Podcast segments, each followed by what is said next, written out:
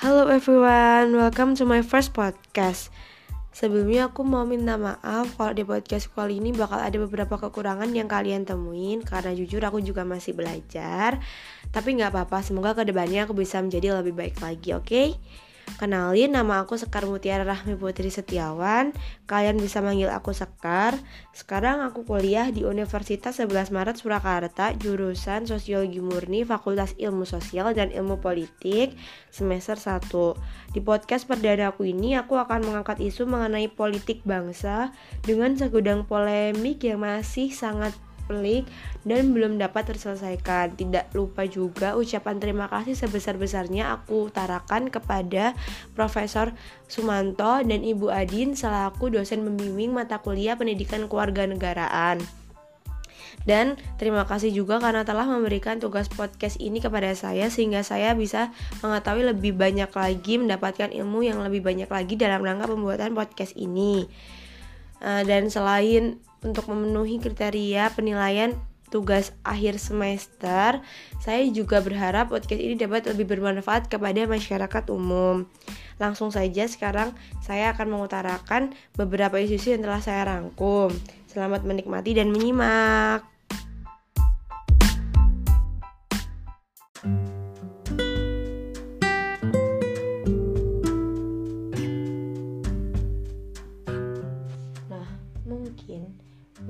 Beberapa orang menganggap isu dan informasi mengenai penegakan hukum di Indonesia kalah up to date dengan beberapa info-info yang berhubungan dengan terorisme ataupun radikalisme yang beberapa tahun belakangan ini marak terjadi di Indonesia. Banyaknya berita ini memperlihatkan atau memperjelas betapa jahat dan tidak manusiawinya tindakan beberapa oknum yang tidak bertanggung jawab tersebut sehingga memberikan ketakutan dan keresahan tersendiri bagi masyarakat kasus-kasus yang mulai terungkap di masyarakat mengenai banyak sosok yang sepatutnya menjadi perwakilan masyarakat dan menyuarakan pendapat-pendapat mereka malah berperilaku sebaliknya dan menjadi mata pedang yang menghujam dan menyengsarakan masyarakat itu sendiri. Para petinggi yang memiliki wewenang dan menjadi harapan untuk membangun dan memimpin negara justru malah menghancurkan mimpi dan cita-cita negara. Ini semua karena termakan oleh ekosentris dan perilaku krisis moralitas, sehingga tidak mengherankan beredar slogan-slogan sendirian terhadap mereka yang berdasi dikarenakan mirisnya fakta perilaku-perilaku mereka. Sebenarnya hal-hal di atas dapat dihindari apabila keempat pilar kebangsaan dapat dipertegas dan diaktualis diaktualisasikan dengan lebih serius lagi dalam kehidupan masyarakat Indonesia.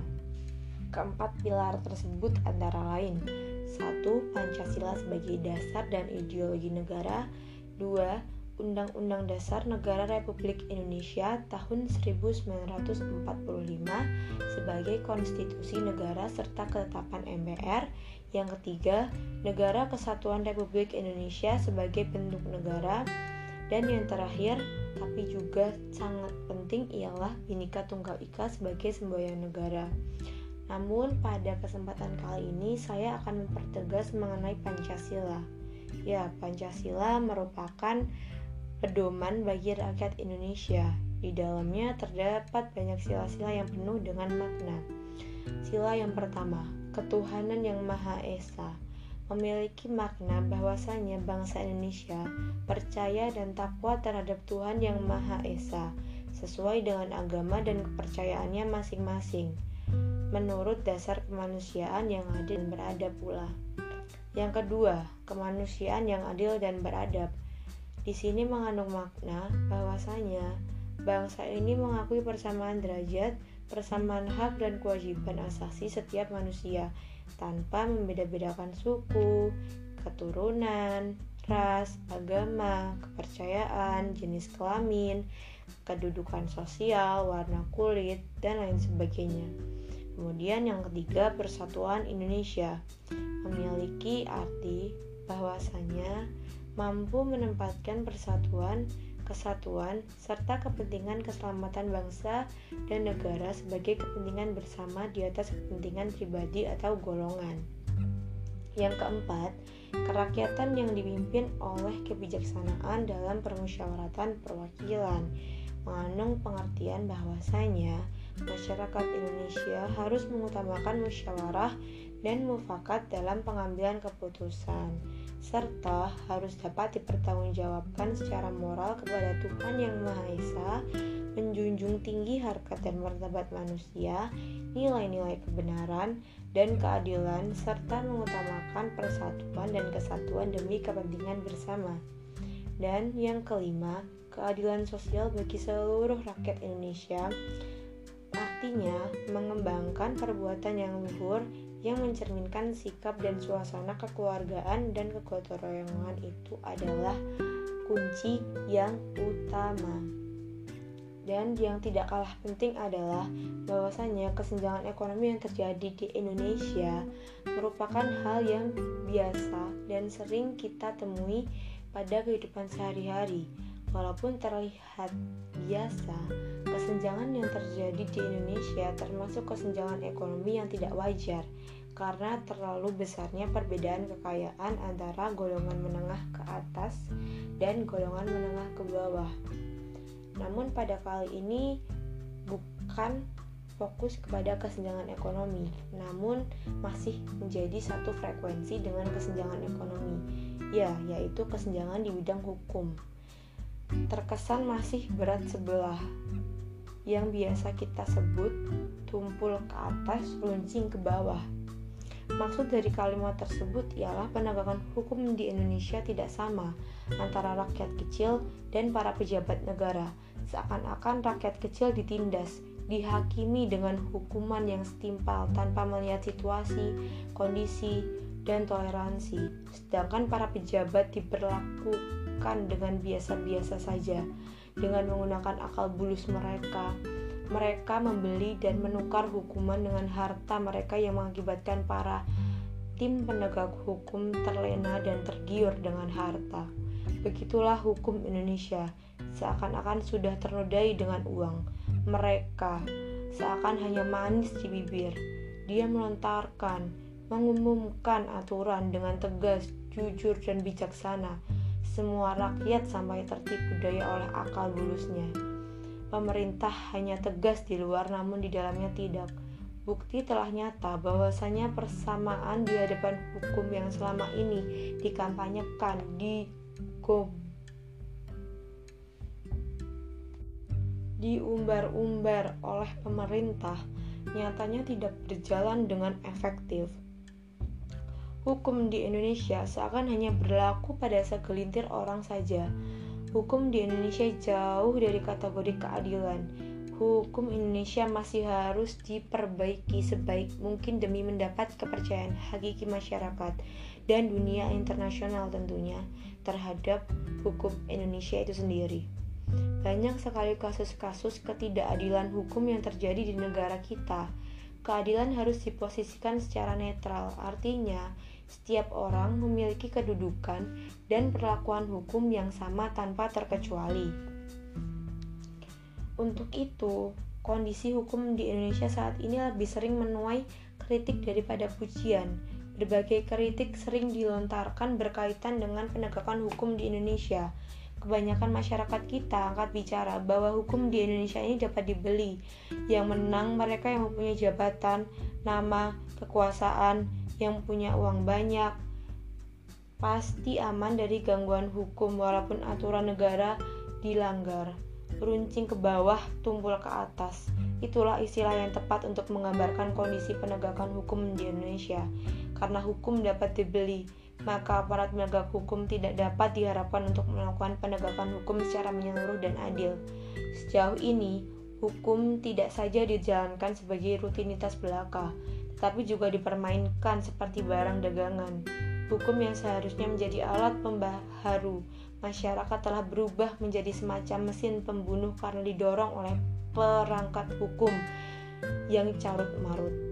Praktik penyelewengan dalam proses penegakan hukum seperti mafia hukum di peradilan, peradilan yang diskriminatif atau rekayasa proses peradilan merupakan realitas yang gampang ditemui dalam penegakan hukum di negeri ini. Lalu, Bagaimana dengan Pancasila sila kelima kita yang berbunyi keadilan sosial bagi seluruh rakyat Indonesia?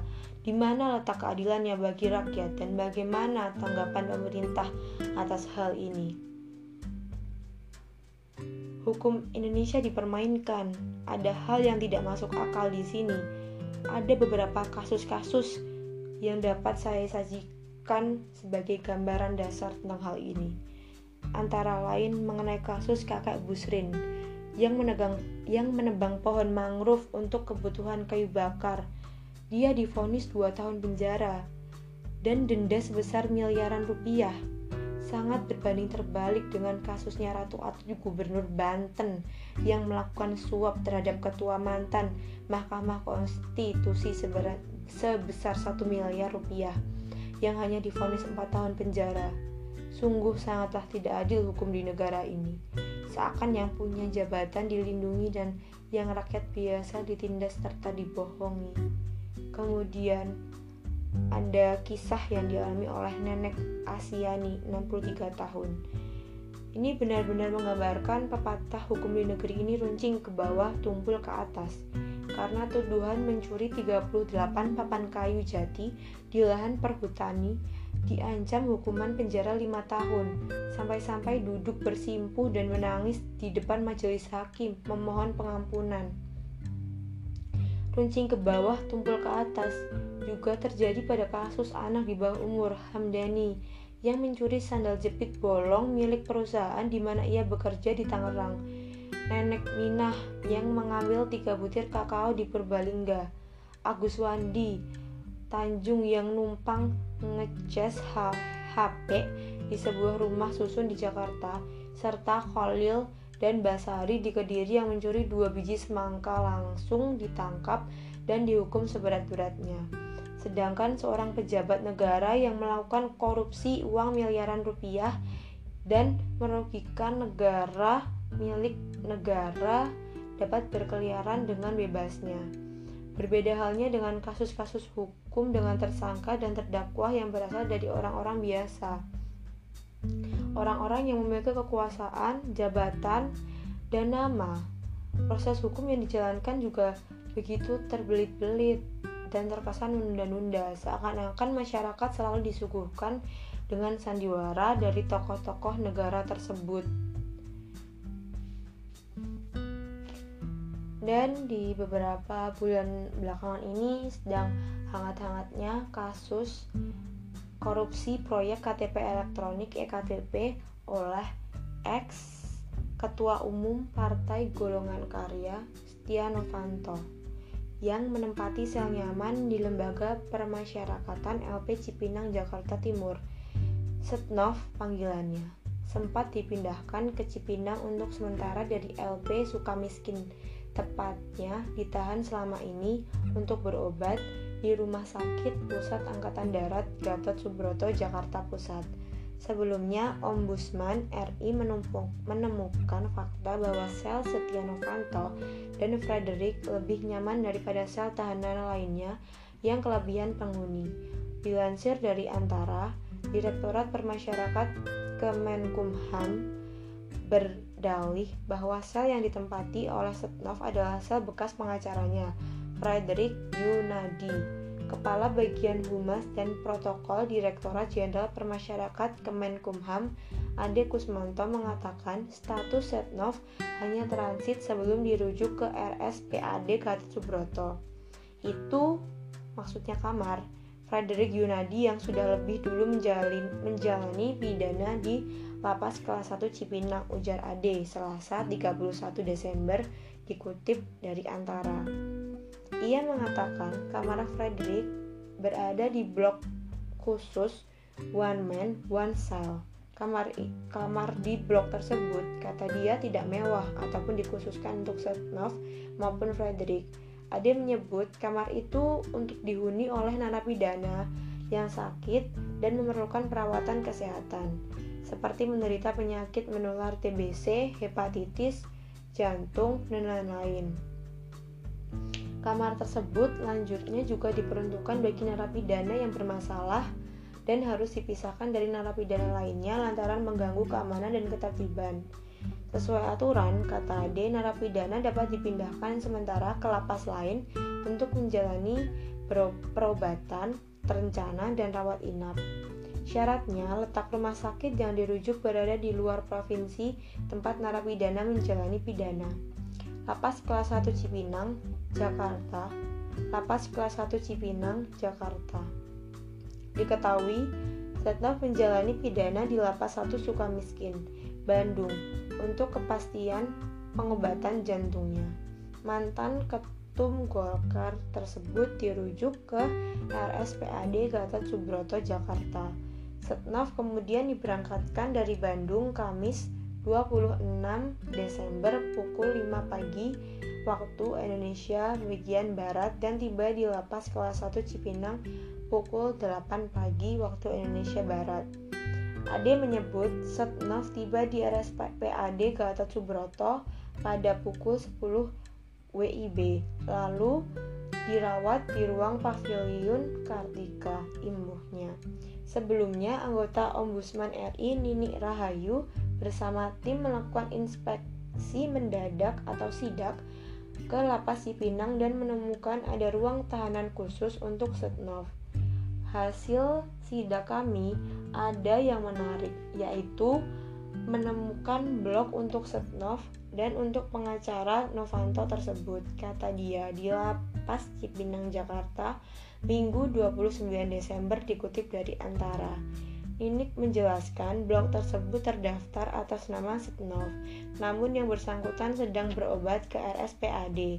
Ia menggambarkan bahwa ruangan khusus Setnov tersebut diperuntukkan hanya untuk satu orang dan dilengkapi dengan toilet duduk meski tanpa televisi. Sebetulnya fasilitasnya hanya tempat tidur, rak, lemari, dan tempat tisu. Tadi kebetulan yang terbuka kamarnya Wawan yang dulu di Lapas Sukamiskin sekarang di sini ujarnya. Ia mengatakan dalam sidak tersebut dirinya menemukan ruang tahanan dibagi dua, yaitu blok untuk tahanan yang membutuhkan perhatian khusus dan pembinaan khusus. Ini juga menanyakan kualifikasi seorang tahanan ditempatkan di blok khusus tersebut, termasuk Setia Novanto. Di saat yang sama, napi di blok lainnya berjubel dengan satu sel. Pihaknya ingin memastikan tidak ada diskriminasi bagi para tahanan di lapas Cipinang.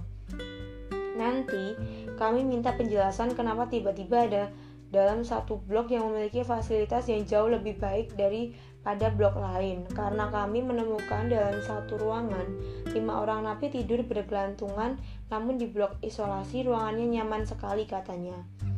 Selama menjadi narapidana Setnov bukan sekali ini saja memicu kontroversi Setnov juga sempat melanggar izin berobat ke Rumah Sakit Santosa Bandung yang diberikan pihak lapas Sukamiskin dan tertangkap basah pelesiran di kawasan Padalarang, Bandung Barat, Jumat 14 Juni malam. Setelah kasus itu terungkap, ia dipindahkan ke rumah tahanan rutan Gunung Sindur, Bogor pada Juni. Setelah dianggap tobat, ia dikembalikan ke Sukamiskin. Namun, kontroversi kembali terjadi pada Minggu 22 Desember. Komisioner Ombudsman RI Adrianus Meliala menemukan bahwa sel Setnov di lapas Sukamiskin lebih luas dari sel lainnya, memiliki kitchen set, tempat tidur pribadi, pintu sel dikunci dengan gembok sensor sidik jari. Ya begitulah beberapa gambaran mengenai hukum yang runcing ke bawah dan tumpul ke atas. Hal di atas tentu saja tidak adil bagi rakyat menengah ke bawah karena mereka mendapatkan perlakuan yang sama atau lebih berat dibandingkan pihak menengah ke atas yang melakukan hal tersebut untuk menambah kekayaannya. Melihat pada realitanya, para penegak hukum di negara kita hanya ingin mendapatkan keuntungan duniawinya saja tanpa melihat sikon serta menelaah dan meneliti lagi terhadap kasus-kasus yang ada sehingga pemberian hukum di negara kita agak tajam sebelah dan menyebabkan tidak meratanya sanksi yang diberikan. Padahal dia sudah digaji oleh pemerintah sudah cukup. Lantas apakah masih kurangkah? Sehingga para penegak hukum semena-mena terhadap masyarakat yang kecil, lemah akan harta, tenaga, akal, dan kemampuan Dan kalau diteliti dan diteliti lagi, adanya penegakan sanksi seperti itu dikarenakan kurangnya kesadaran dari pihak yang bersangkutan, kurangnya tanggung jawab terhadap tugasnya, kurang tegas dalam memutuskan sebuah kasus sehingga mudah untuk dinodai oleh hal-hal yang berbau duniawi. Dan yang terakhir adalah kurangnya ketakwaan kita terhadap Tuhan. Di sisi lain, beberapa tindak ketidakadilan masih kerap terjadi, adanya tekanan dari pihak yang berkuasa terhadap masyarakat kecil, tak kalah merupakan tindakan buta yang bahkan tidak mencerminkan arti kemanusiaan. Gelapnya para mata orang berkuasa, dan dengan didukungnya sikap penegak keadilan yang tidak takut Tuhan, tentu saja menjadi tombak yang tajam bagi masyarakat kecil. Oleh karena itu, untuk menumbuhkan hukum di Indonesia ini dengan baik, adil, maka diperlukan adanya pemaksimalan terhadap tim penegak hukum di Indonesia. Adanya penyuluhan terhadap tim yang bersangkutan supaya negara kita menjadi negara yang aman, adil, tentram, subur, makmur, serta gemah ripah loh jinawi. Pun tentunya dari UUD 1945 pasal 28D ayat 1 juga harus dipertegas kembali karena jika tidak kasus seperti di atas akan terulang kembali lagi dan lagi dan hak diperlakukannya diperlakukan sama di depan hukum seperti tidak berlaku lagi. Jika HAM untuk diperlakukan sama di depan hukum ini dipenuhi, maka hukum di Indonesia tidak akan lagi tajam di satu, di satu sisi. Para penegak hukum yang bermental buruk yang memperjualbelikan hukum sama artinya dengan mencederai keadilan. Pada kondisi tertentu, ketika keadilan terus-menerus dihindari, Bukan tidak mungkin pertahanan dan keamanan bangsa menjadi taruhannya. Ketidakadilan akan memicu berbagai tindakan alami berupa perlawanan-perlawanan antar pemberontakan dalam negeri yang dapat terwujud ke berbagai aksi-aksi anarkis atau kekerasan yang kontraproduktif terhadap pembangunan bangsa. Fakta-fakta tentang praktik hukum yang buruk ini satu persatu mulai muncul ke permukaan, mulai dari praktik terselubung mafia peradilan serta terungkapnya fenomena istana mewah dalam penjara, semakin menunjukkan ketidakberesan penegakan hukum di Indonesia selama ini.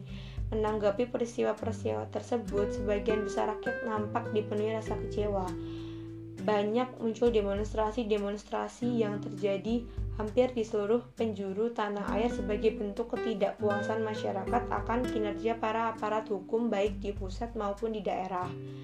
Masyarakat Indonesia begitu haus dengan penegakan hukum yang adil, yang dapat dilakukan hanyalah dengan mempermudah dan menumbuhkan penataan sistem hukum yang ada. Sebagai masyarakat Indonesia, negeri ini sangat butuh penegakan hukum yang adil dan tegas tidak ada diskriminasi dalam penegakannya.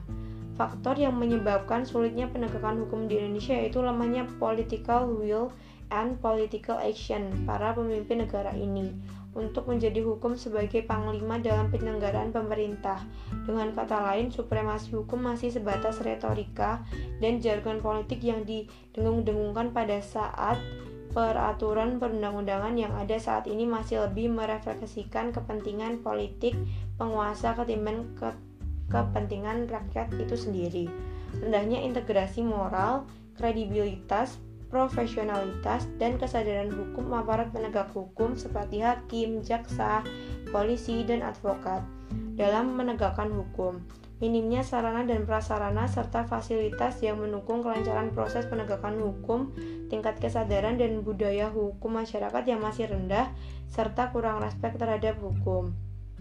Untuk membangun sistem penegakan hukum yang bisa menjadi penegak hukum sama rata, sama rasa, yaitu dengan dilakukannya sosialisasi hukum dan perundang-undangan secara intensif kepada masyarakat luas sebagai konsekuensi asas hukum yang mengatakan bahwa setiap masyarakat dianggap tahu hukum sekalipun produk hukum tersebut baru saja disahkan dan diundangkan serta diumumkan dalam berita negara.